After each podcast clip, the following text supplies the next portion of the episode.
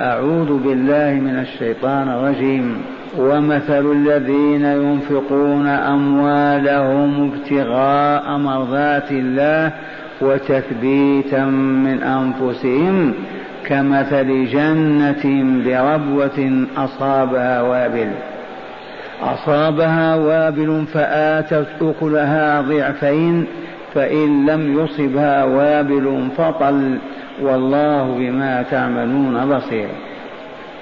أيود أحدكم أن تكون له جنة من نخيل وأعناب تجري من تحتها الأنهار له فيها من كل الثمرات وأصابه الكبر وله ذرية ضعفاء فأصابها إعصار فيه نار فاحترقت.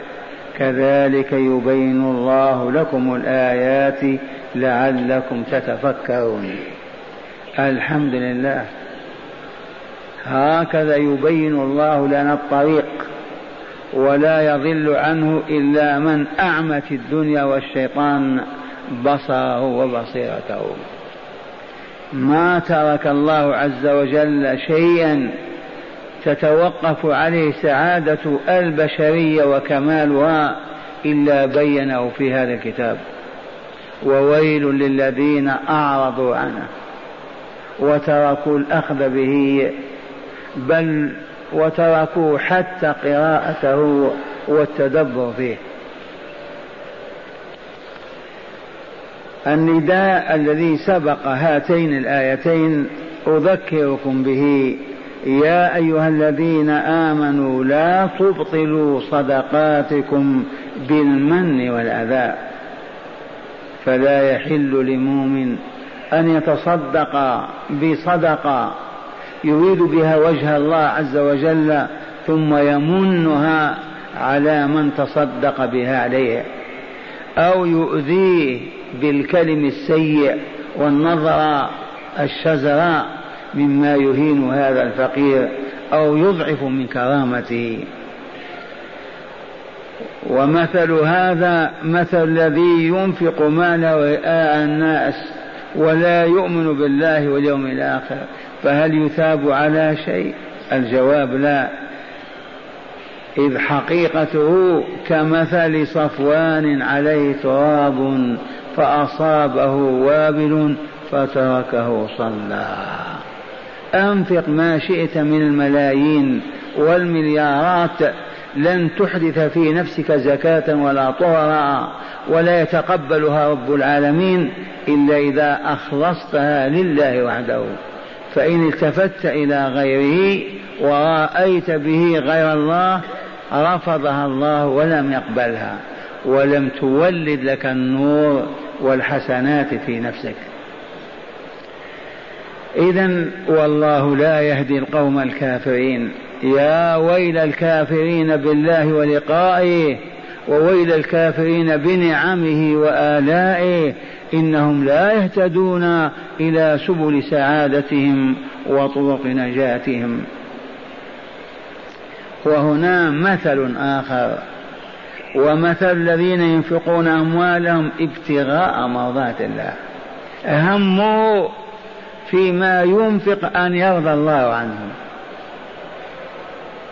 وهذا شأن العالمين العارفين لا هم لأولئك إلا أن يرضى الله عنهم. فينفقون أموالهم طلبا لمرضاة الله.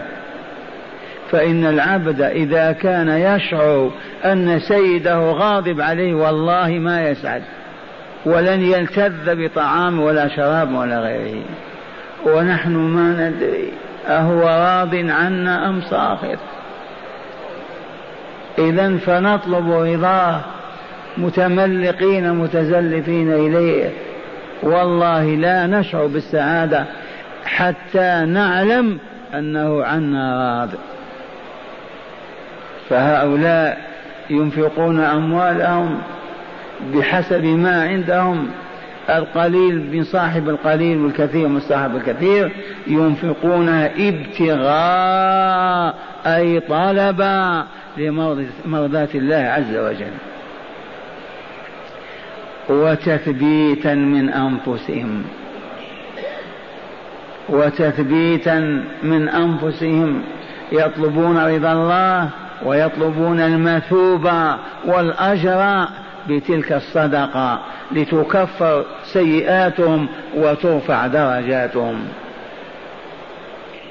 وتثبيتا من أنفسهم تقوية لإيمانهم وتقوية لرجائهم في الله وطمعهم فيما عنده أن يقبل صدقاتهم ويثيبهم عليها. ما هم بغافلين ولا تائهين يفعلون ولا يدون ما يفعلون. ما يضع صدقته في اليد التي تستحقها حتى يكون طالبا رضا الله بها وراغبا أن يظفر بالحسنة التي تكفر ذنبه وتزيل ظلمة نفسه وتثبيت من أنفسهم. هل لهؤلاء مثل كما للاولين مثل الذين أنفقوا رئاء الناس؟ كالذي جاء إلى أرض صلباء ما فيها شيء ولكن عليها تراب وزرع زرعه جاء مطر وابل مسحها كلها وتركها صلدا مجردا. فالذي ينفق ولا يريد وجه الله كهكذا. ولو أنفق الملايين لا يستفيد ولا يثاب منها على درهم. وهذا مثال من أنفق ابتغاء مرضات الله أولا وتثبيتا من نفسه. طلبا لرضا الله وحبه والمثوبة والأجر الحسن. قال كمثل حبة كمثل جنة. أي بستان؟ لما سمي البستان جنة؟ لأن أشجارها تجن وتغطي من يدخل تحتها. كمثل جنة بربوة والربوة والربوة المكان العالي المرتفع كالجبال المبسوطة. أصابها وابل المطر الغزير كما تقدم في المثل الأول. إذا لما اختير هذا المكان؟ لأن الأرض المرتفعة إذا لم يكن مطر ف المطر القليل يكفيها بل الهواء البارد الطلق كذلك يساعد على إنمائها وعلى زرعها بخلاف التي في المنخفضات من الأرض. كمثل جنة بربوة أصابها وابل فآتت أعطت أكلها ضعفين كانت مثلا تنتج صاع أنتجت صاعين. ألف قنطار ألفين قنطار مضاعفة. فآتت أكلها ضعفين فإن لم يصبها وابل فطل. والمطر القليل يقال فيه طل أو رشاش أو رذاذ. إذا ما في مطر غزير مطر خفيف وفي ارتفاعها يساعدها ذلك على الإنبات لأنها ليست كالمنخفضة تضر حرارة الشمس وتؤثر عليها. فإن لم يصبها وابل فطل والله بما تعملون بصير. التفت إلينا نحن لأن هذا الخطاب لنا ونحن نظن يتكلم عن آخرين. قال والله بما تعملون أيها المؤمنون بصير مطلع. عليم إذا فتقربوا إليه وتزلفوا وأغمضوا أعينكم عما سواه. وإن أعطيتم أو أنفقتم فأعطوا لوجهه وأنفقوا من أجله. والله بما تعملون بصير. ويشمل هذا كل عمل. يشمل العمل الصالح والعمل الفاسد. ثم واجهنا أيضا. أيود أحدكم والود الحب مع الرغبة في الحصول على المحبوب وتمنيه؟ أيود أحدكم أن تكون له جنة بستان من نخيل وأعناب. كل أنواع الفواكه من المشمش إلى التفاح إلى البرتقال إلى الليمون كذا. لا تعادل التمر و والعنب. العنب يتحول إلى زبيب يغذي يصنع منه ألوان الأشربة والتمر كما عرفتم بيت لا تمر في أهل جياع. ما يحتاج إلى طبخ ولا ولا ولا متى شئت طعمت طعمت. من نخيل وأعناب تجري من تحتها الأنهار التي تسقيها لتنتج وتلد وتثمر. تجري من تحتها الأنهار له فيها من كل الثمرات. أي في تلك الجنة غير العنب والتمر. العنب والتمر هما رئيسيان. وتوجد أنواع من الثمار الأخرى من التين والزيتون وما إلى ذلك.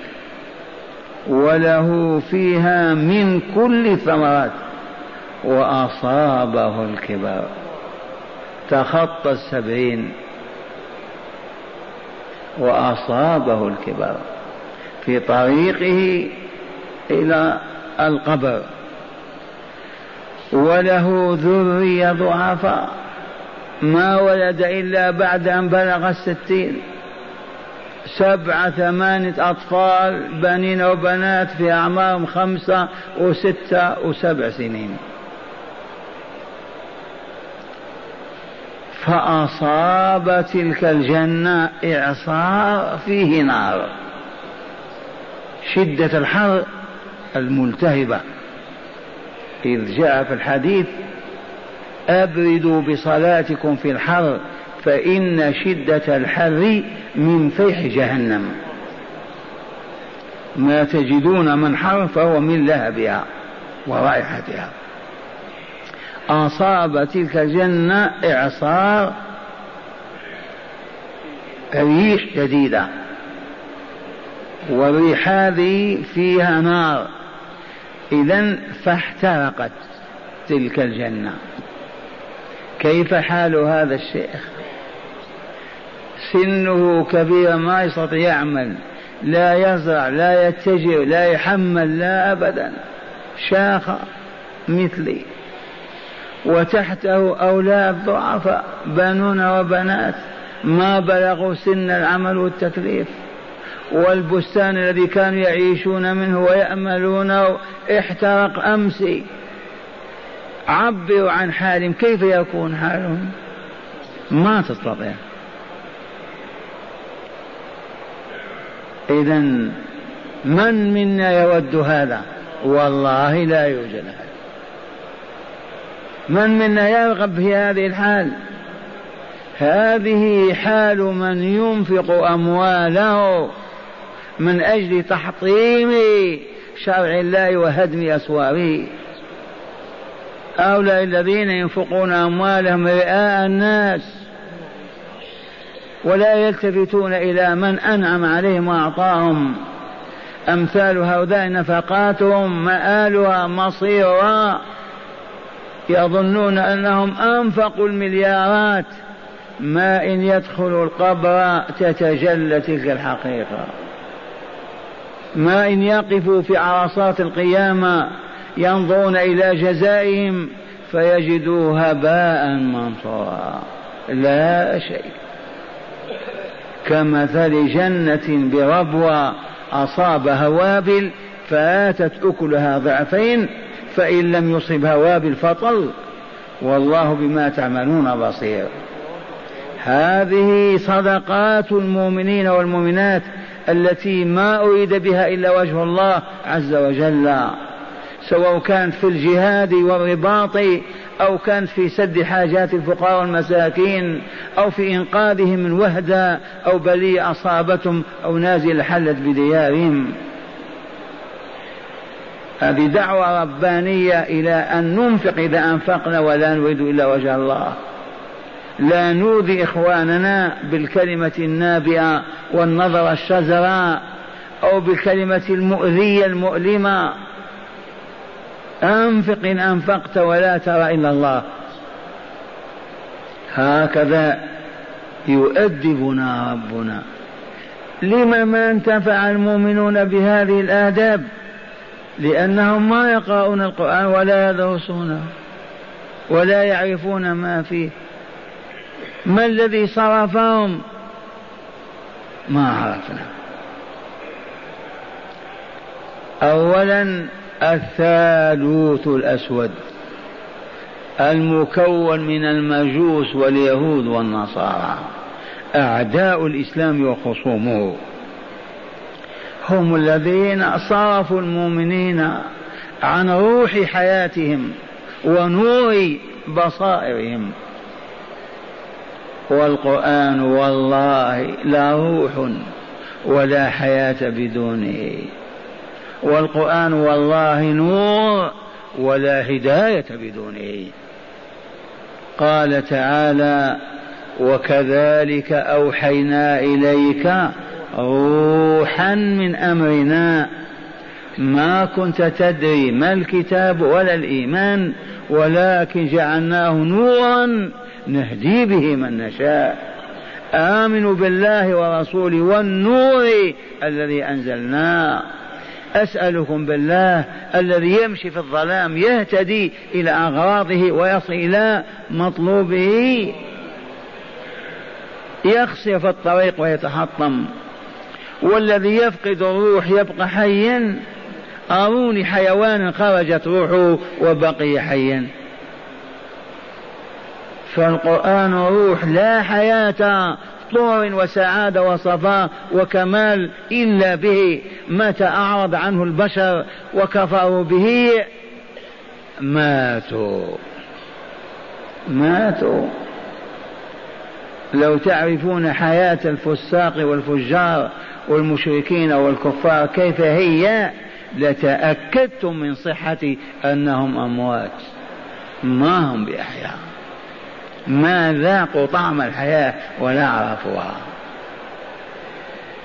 هذا هو القرآن الذي صرفنا عنه الثالوث ولما عجزوا عن إسقاط حرف واحد حاولوا جمعيات التنصير من قديم على أن يسقطوا كلمة قل.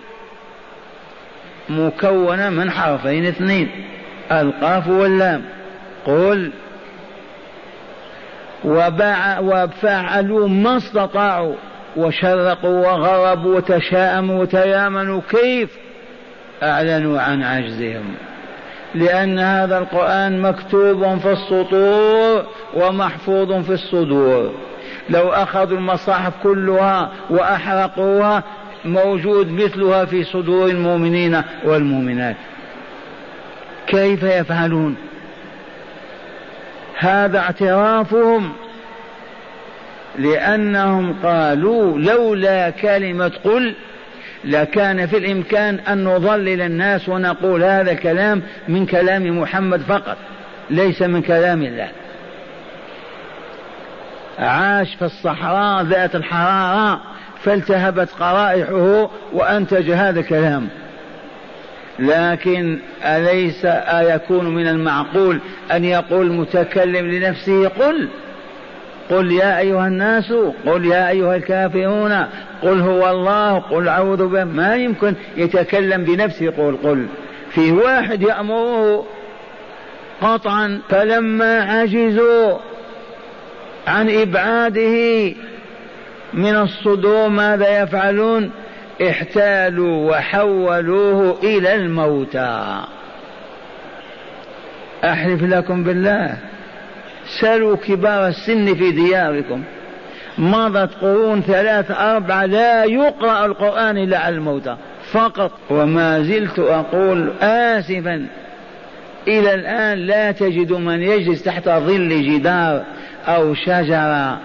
ويقول لأخيه من فضلك أسمعني شيئا من القرآن. إلى الآن. أو يجلس في مجلس ويقول أيكم يسمعنا شيئا من كلام الله إلا ما قل وندر. والرسول صلى الله عليه وسلم وعليه نزل وأنزل يقول لابن مسعود اقرأ علي شيئا من القرآن. فيعجب الصاحب ويقول عليك أنزل وعليك أقرأ يا رسول الله. يقول نعم إني أحب أن أسمعه من غيري. ويقرأ عليه وإذا بالرسول يبكي وعيناه تذرفان الدموع وهو يقول حسبك حسبك. انتهى أمر القرآن من قرآن من قرون يقرؤونه على الموتى. لا تسمع في بيت من بيوت إلا إذا كان فيه ميت. من أندونيسيا إلى موريطانيا أكثر من ثلاثمائة سنة. أما الاجتماع عليه ودراسة هكذا لا لا لا لا. وضعوا قاعدة. من يذكرها؟ قالوا تفسير القرآن خطأ. قالوا تفسير القرآن صوابه خطأ وخطأ كفر. من يفتح فاه ويقول قال الله. لو تجلس في مجلس يدرسون الفقه وإلا النحو وإلا وإلا وتقول قال الله تعالى يغلقون آذانهم. نجحوا في إماتة أمة القرآن وإلا لا؟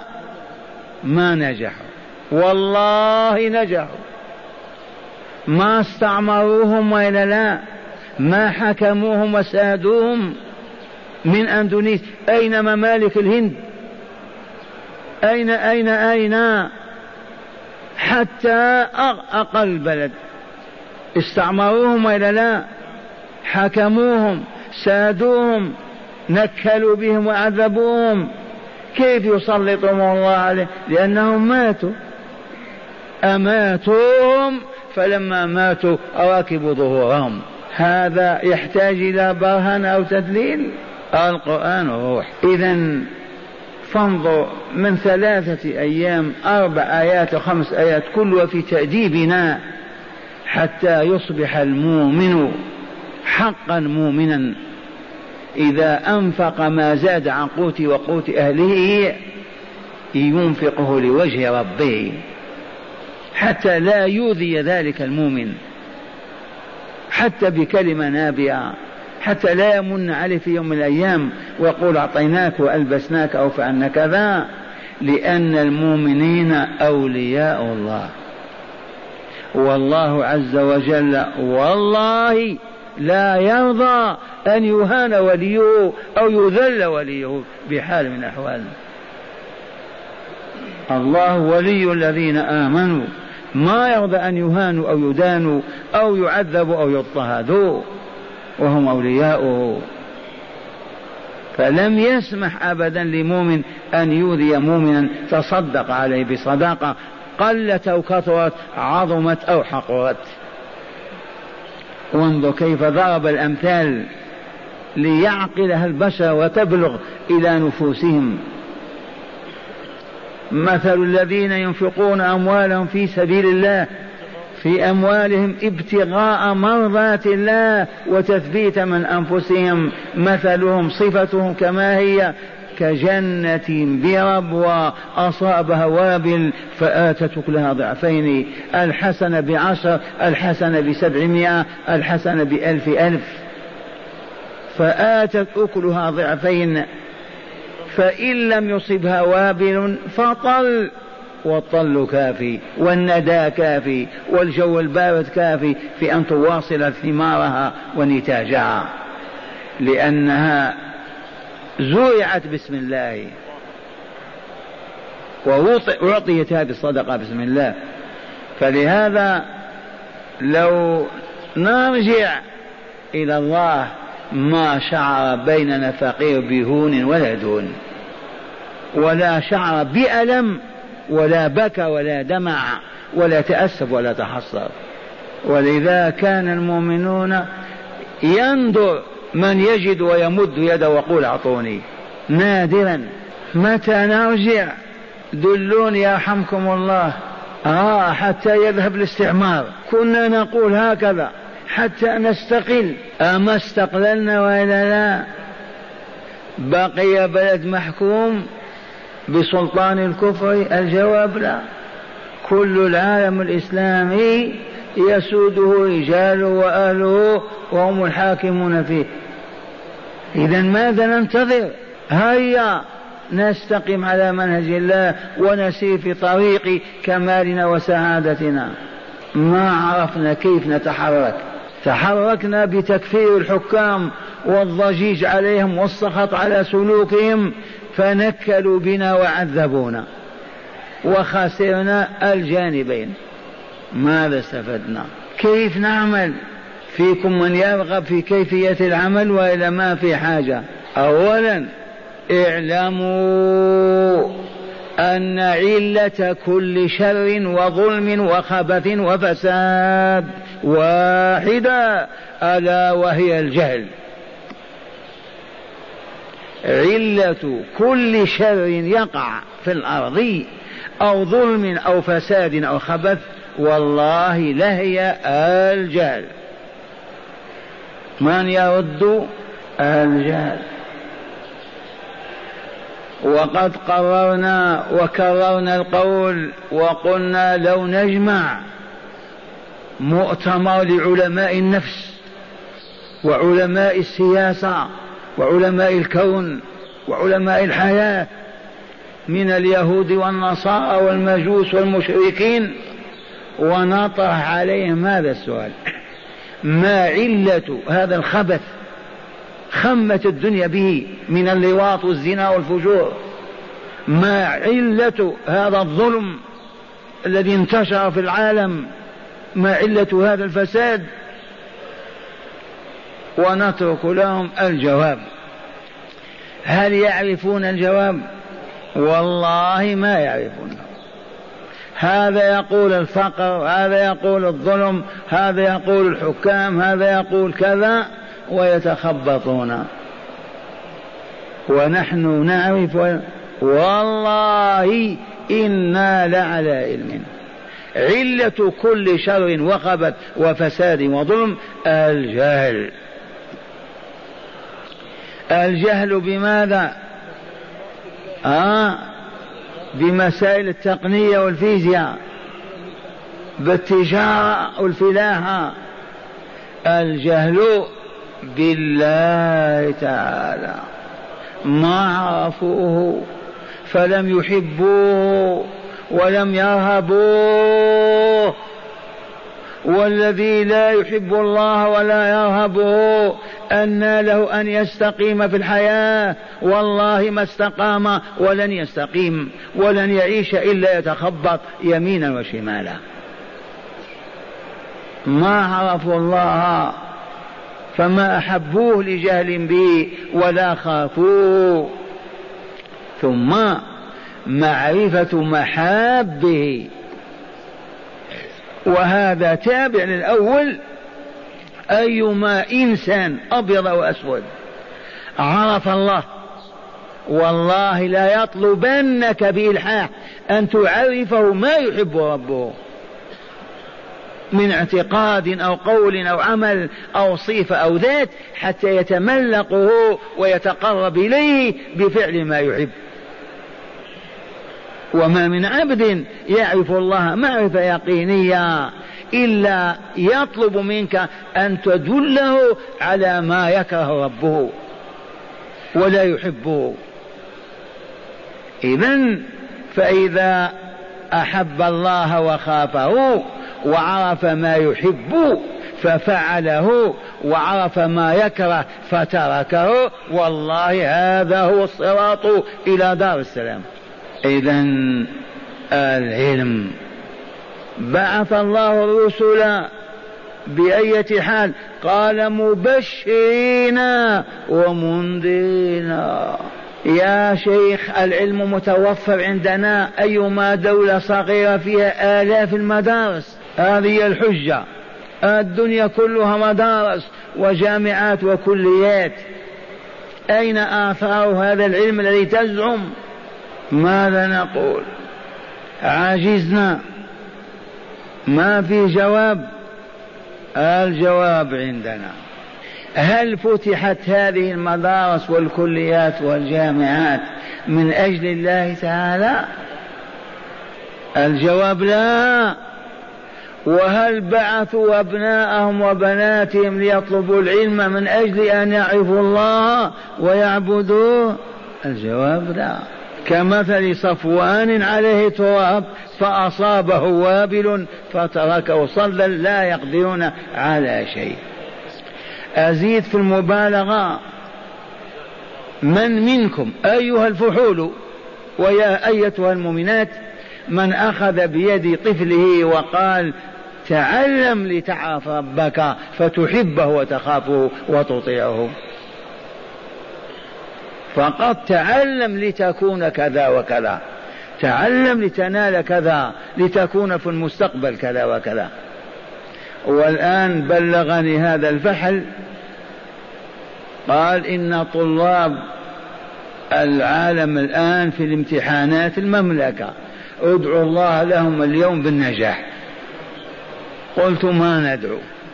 لأن نياتهم ما هي بتلك النيات التي يريدون وجه الله إذ لو أرادوا وجه الله والله ما طلبوا النجاح ولا فكروا فيه أبدا إذ هم يطلبون المعرفة والعلم ليعبدوا الله عز وجل.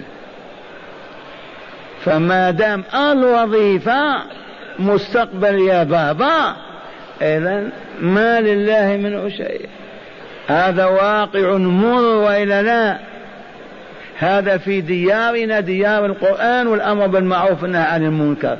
فكيف بديار الغافلين ومادة التجديد ومادة الفقه فيها مرة في الأسبوع؟ إذا هل نفعت هذه المدارس؟ ما ماذا نصنع إذا؟ كيف نخرج من هذه الظلمة؟ أو ما تشعرون بها سوف تعلمون. والله ما إن تصل الروح إلى الحلقوم. وتأتي الغرغرة ينكشف الغطاء ويظهر أمامك كل شيء.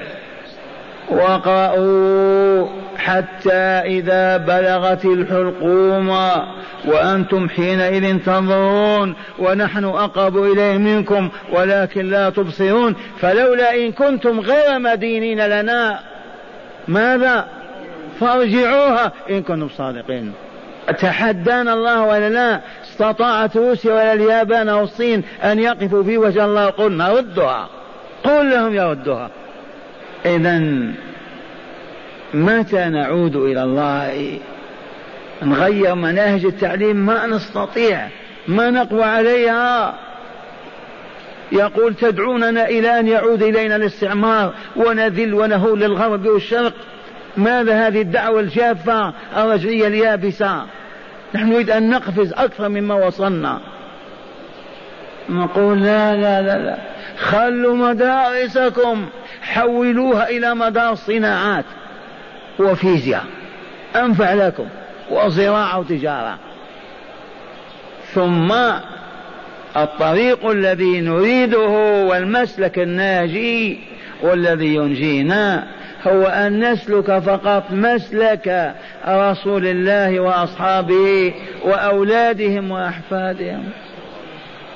فقط من صلاة الصبح ونحن مشمرون على سواعدنا. هذا يزرع وهذا يبني وهذا يفعل. اعمل ومن نهاك أو عكر أو, أو لامك على هذا لا تسمع إليه. اعمل لدنياك كأنك تعيش أبدا. وتزدهر الصناعات والفلاحة و لأن جهودنا قوية ولأننا ربانيون. عملنا لله. لا غش ولا تلاعب ولا تماطل ولا ضحك ولا لهو ولا باطل. فإذا مالت الشمس إلى الغروب دقت الساعة السادسة اغتسلنا توضأنا تطهرنا وقف دولاب العمل من صلاة الصبح والدكاكين تشتغل. هيا نستريح. هيا يتوضأ أحدنا ويلبس أحسن ثيابه ويأتي بامرأته وأولاده إن كانت له مراه وله أولاد. إلى أين؟ إلى بيت الرب. جل جلاله وعظم سبحانه إلى المسجد الجامع. يا شيخ المسجد ما يتسع. وسعوا. نوسعوا. نحتاج كم يوم كم شهر. رسول الله بنى مسجد قبة في سبعة أيام أو ثمانية. أذن المغرب. دخلنا في مناجاة الله عز وجل. وصلينا فرغنا من الصلاة اجتمعنا كاجتماعنا هذا. ويجلس لنا عالم بكلام الله وكلام رسوله. يعطينا آية ويقول تغنوا بها أيها المؤمنون والمؤمنات فنحفظها. آية من آياته من كتابه. تحفظ تشرح لنا تفسر تبين لنا. وأخيرا يقول معشر المستمعين والمستمعات معشر المؤمنين والمؤمنات ضع ضعوا أيديكم على المطلوب. الآية تطلب منكم أن تعتقدوا أنه لا إله إلا الله. فاعتقدوا. الآية تطلب منكم أن تغضوا أبصاركم وتحفظوا فروجكم. فغضوا أبصاركم عن نساء المؤمنين واحفظوا فروجكم معناهم. الآية تأمر بالإخلاص في الصدقة وإرادة وجه الله. فمن الآن لن يتصدق واحد منكم وهو لا يريد وجه الله. غدا حديث نبوي. نتغنى به ونحفظه قال رسول الله صلى الله عليه وسلم المسلم أخو المسلم لا يظلمه ولا يخذله ولا يكذبه. كل المسلم على المسلم حرام دمه وعرضه وماله.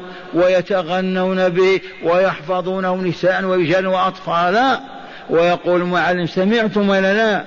كل المسلمين إخوانكم. وهل الآخ يذبح أخاه؟ هل الآخر يكشف عورة أخيه؟ هل الآخر يسب أخاه؟ هل هل الجواب لا لا. إذا كلكم إخوان. سمعتم من الليلة لا يشكو مؤمن مؤمن أخاه إلى ربه. لا سرقة لا كذب لا غش لا خداع لا كبر لا ظلم لا اعتداء أبدا. وبعد غد آية والثاني حديث وطول العام. وهم يتلقون الكتاب والحكمة. أهل القرية بجميعهم أهل الأحياء بكاملهم.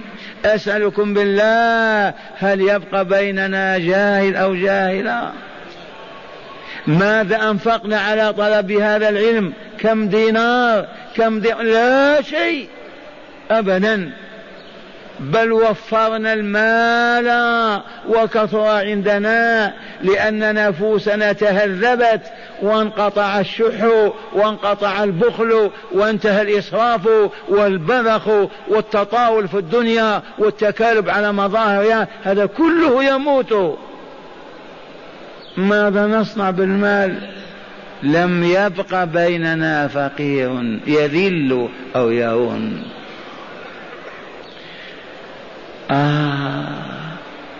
أسألكم بالله هذا الطريق يعي هذا يتعب هذا.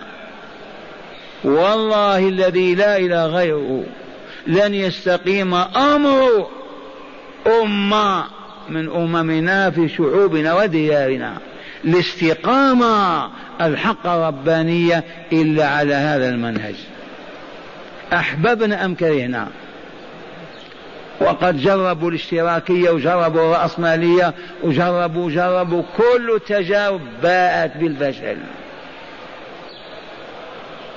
أليس كذلك؟ قولوا لي ما المانع أن نفعل هذا؟ دلوني. قد يقول بعض الحاضرين الحكومات مانعة. منعت التجمعات للفتنة التي أشعلتم نارها.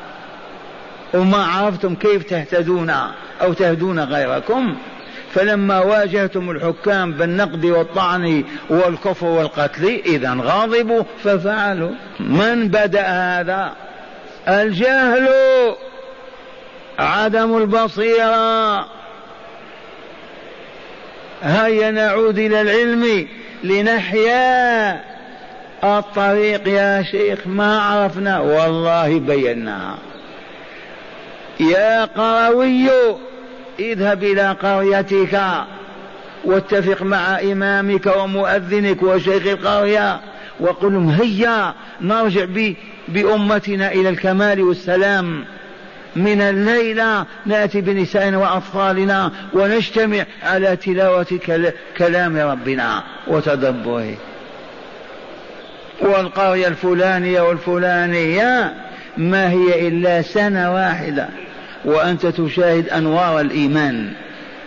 تشاهد الطهى والصفاء. تشاهد المال ما يطلب. ما بقيت رغبة في فينا. القليل من الطعام يكفينا والذي يستر عوراتنا من اللباس يجزينا وهكذا. والله لا طريق إلا هذا. بلغوا العلماء والأمراء والحكام والساسة وبلغوا أوروبا والصين واليابان. والله لن يسعدوا ولن يطهروا ولن يكملوا ولن يخرجوا من دائرة البهيمة التي تعيش إلا بالعودة إلى هذا الكتاب الإلهي. فقط والأيام تمضي وهم في بلاء وشقاء وعفن وشر وفساد. ما ذاقوا طعم الحياة؟ وإن طلبوا البرهنة ما نستطيع أن نقول إلا إذا بدأت هذه الخطة الربانية. آتي ببريطاني شاهد هذه القرية تشاهد منكر؟ امشي معي. صباح مساء. هل تسمع كلمة نابئة؟ صوت مزعج. منظر خبيث. هات. والله ما يشاهد. امشي معنا إلى دائرة الحكومة. قل لهم أعطوني الجرائم التي تمت في هذا اليوم. والله ما تجد جريمة. وإن شذ واحد في العشر أيام أو في العشرين لا قيمة للشذوذ. لا سرقة ولا خيانة ولا كذب ولا تكفير ولا سب ولا شتم ولا ولا. وهكذا كان أسلافنا.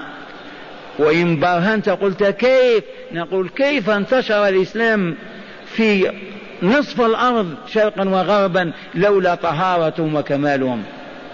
هل دخل أهل المغرب والأندلس والمشرق على كامله دخلوا بالسيف؟ والله ما دخل أحد بالسيف. ولا أكره إنسان على أن يؤمن بالله ولقائه ولكن لما دخلوا البلاد شاهدوا الأنوار التي يحملها الغزاة الفاتحون. صدق في القول وفاء في العهد طور في السلوك رحمة في القلوب مشاهد الأنوار جذبتهم ودخلوا في رحمة الله.